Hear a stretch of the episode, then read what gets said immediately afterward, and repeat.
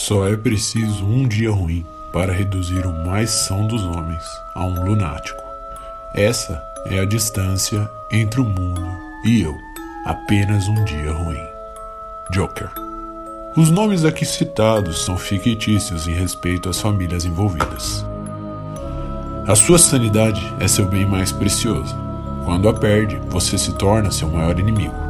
Me chamo William, sou psiquiatra e gostaria de contar a interessante e trágica história de Daniel, um dos meus pacientes, contada pelo próprio.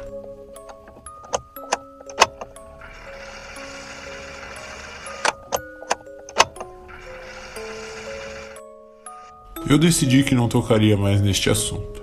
Tentei superá-lo, mas até hoje me assombra. É importante que de alguma forma fique registrado o verdadeiro terror que vivemos em 1992, o pior ano de minha vida. Eu me chamo Daniel, tenho 32 anos e gostaria de lhes contar o que eu passei. Desde o início do ano, as coisas estavam estranhas. Pichações estavam aparecendo nos muros da igreja. As autoridades não deram muita atenção.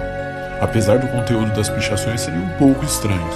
A primeira vez que apareceu estava escrito em latim: Matrimonium Civil Mors. Em latim significa matrimônio ou morte. Um arruaceiro ou um grupo de adolescentes até poderia escrever algo, mas em latim. Bom, começamos com o descaso da polícia neste ponto. Nenhuma investigação foi feita acerca da pichação. Os dias passaram e em meados de fevereiro houve um desaparecimento.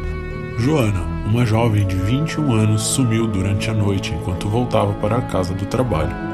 Era por volta de 8 da noite.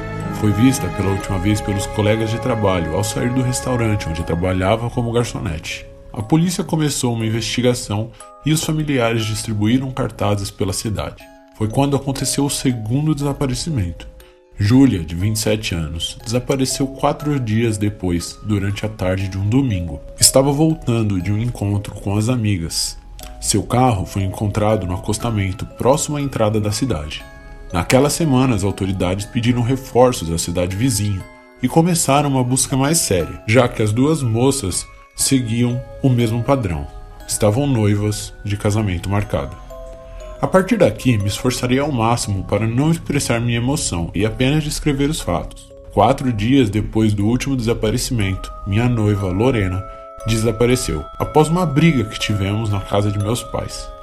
Ela voltava para sua casa por volta de 10 da noite e foi a pé.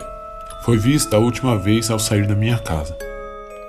As três moças desaparecidas estavam com o casamento marcado, o que reforça que a pichação feita no início do ano tem relação com esses desaparecimentos. As famílias estavam desesperadas, já que a primeira moça estava desaparecida há quase duas semanas e nenhuma pista foi encontrada. Decidimos reunir as três famílias e começarmos uma investigação. No final de semana, a família de Joana recebeu uma estranha carta. Em uma de nossas reuniões, nos mostraram a carta, que continham as seguintes informações: Boa noite. Gostaria de dizer que Joana está em segurança, e se quiserem que ela continue segura, devem seguir algumas regras. Regra número 1: um, esta carta não deve ser apresentada à polícia. Regra número 2: vocês terão que adivinhar esta charada em no máximo dois dias e escrever a resposta no muro da igreja como eu fiz alguns meses atrás.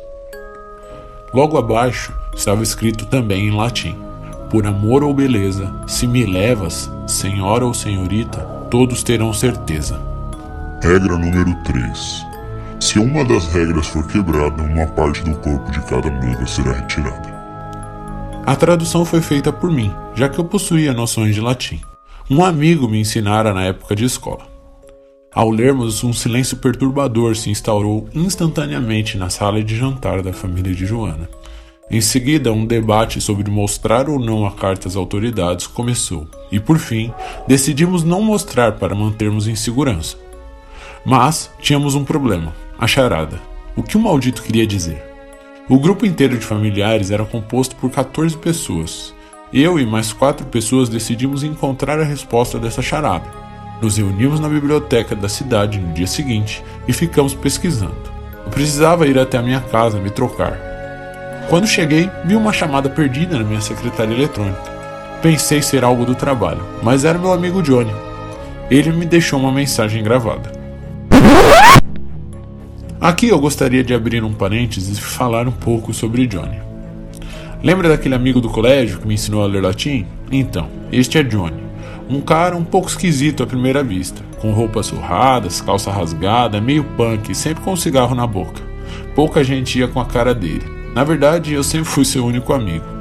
Ele morava sozinho em uma cabana perto da floresta, ao norte da cidade. Era um lugar legal para tomar umas cervejas e usar drogas de vez em quando nos conhecemos na nossa infância. A mensagem não era nada importante. Dizia que eu estava sumido ou algo assim.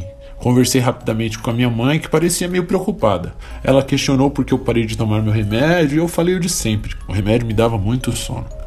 Voltei para a biblioteca para ajudar com a charada. Me sentei à mesa novamente, todos estavam lendo e relendo diversas vezes.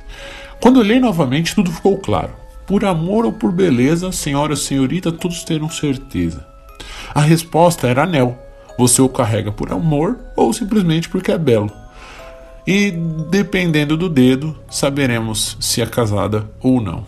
Ou seja, senhora ou senhorita. Todos ficaram me olhando assustados e surpresos. Afinal, tinha chegado a 30 minutos e encontrei a resposta. Eles ficaram felizes e naquela noite decidimos como e quem picharia na igreja, e o irmão mais novo de Joana se prontificou a fazer a pichação. Aquela noite voltei para casa, e quando estava subindo para o meu quarto, ouvi Johnny me chamar. Voltei e fui até a porta. Minha mãe estava na sala, ela ficou brava. Lembro dela ter dito algo como: Está louco? Voltou à infância? Dei de ombros e saí. Lá estava Johnny. Fomos até uma loja de conveniências e um posto de gasolina próximo, pegamos algumas cervejas, e a caixa ficou nos olhando estranho. Mas eu já estava acostumado. Johnny se vestia meio estranho. Fomos até uma praça vazia e já era bem tarde. Bebemos até ficarmos um pouco bêbados. Ele sempre tinha umas ideias idiotas. As pessoas que passavam ficavam me encarando. Acho que estávamos falando muito alto. Era um péssimo hábito de Johnny. Entre as conversas com Johnny, ele me disse que estava escrevendo e ele me mostrou algumas coisas. Ele escrevia algumas frases como se fosse poesia, e uma delas, da qual ele me mostrou, era: Quebrar o juramento é como negociar a própria honra. Naquele momento comecei a me sentir meio mal, lembrei de Lorena e só de pensar como ela poderia estar, com frio, com fome, machucada. Levantei, me despedi de Johnny e fui para casa. Subi para meu quarto e dormi. Tive um sonho muito estranho naquela noite. Eu estava discutindo com Lorena exatamente igual na noite em que discutimos, mas eu a agredi com alguns socos, acordei completamente atordoado com aquele sentimento de culpa no peito. Fiquei deitado, pensando, e minha mãe bateu na porta. Entrou no quarto e me trouxe o remédio. Odiava tomá-lo. Fiz como sempre, coloquei no canto da boca, depois cuspi. Desci as escadas e o café estava na mesa.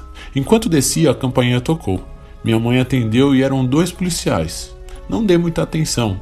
Já tinha se tornado comum a polícia bater de casa em casa após os desaparecimentos. Passaram alguns minutos, minha mãe voltou.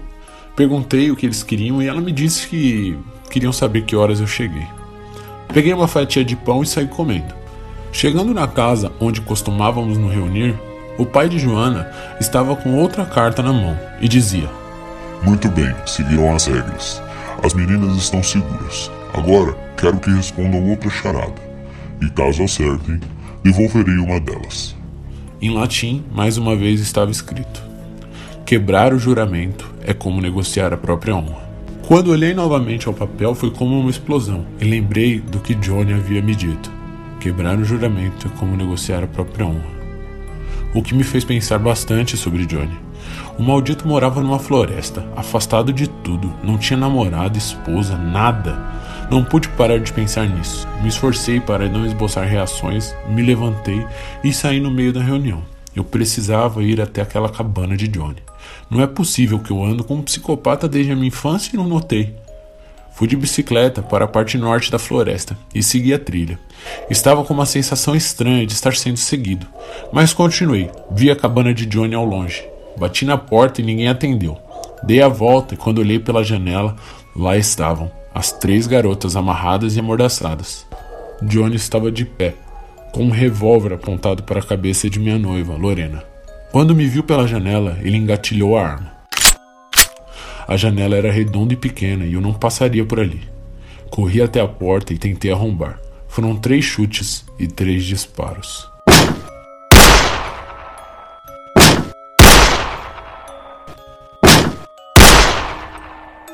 Arrombei a porta e as meninas estavam mortas. O sangue escorria pelo chão de madeira. Johnny estava com a arma apontada para mim. Minhas pernas começaram a tremer e eu senti um calafrio. Fiquei imóvel. Foi quando Johnny colocou a arma embaixo do queixo e puxou o gatilho. Eu não sei exatamente o que aconteceu, mas acordei na delegacia. Fui interrogado e o maldito do Johnny sumiu. Ninguém sabe para onde foi. E eu fui acusado de todos os crimes.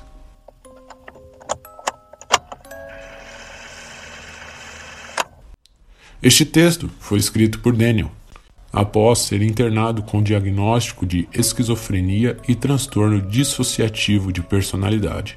Agora, tentarei elucidar a história a você, caro ouvinte. Daniel, quando criança, teve um sério problema com seu pai. Talvez tenha achado estranho ele nunca tê-lo citado. Em uma das nossas consultas, ficou claro que seu pai era extremamente duro e o agredia, assim como agredia sua mãe, quando Daniel tinha 10 anos de idade, o homem foi preso por assassinato. Aquilo acabou com Daniel, que ficou completamente traumatizado, começando assim sua amizade com Johnny, que de fato nunca existiu, apenas para Daniel. A cabana onde foram encontradas as garotas foi o mesmo local onde seu pai, anos atrás, tinha executado o homicídio.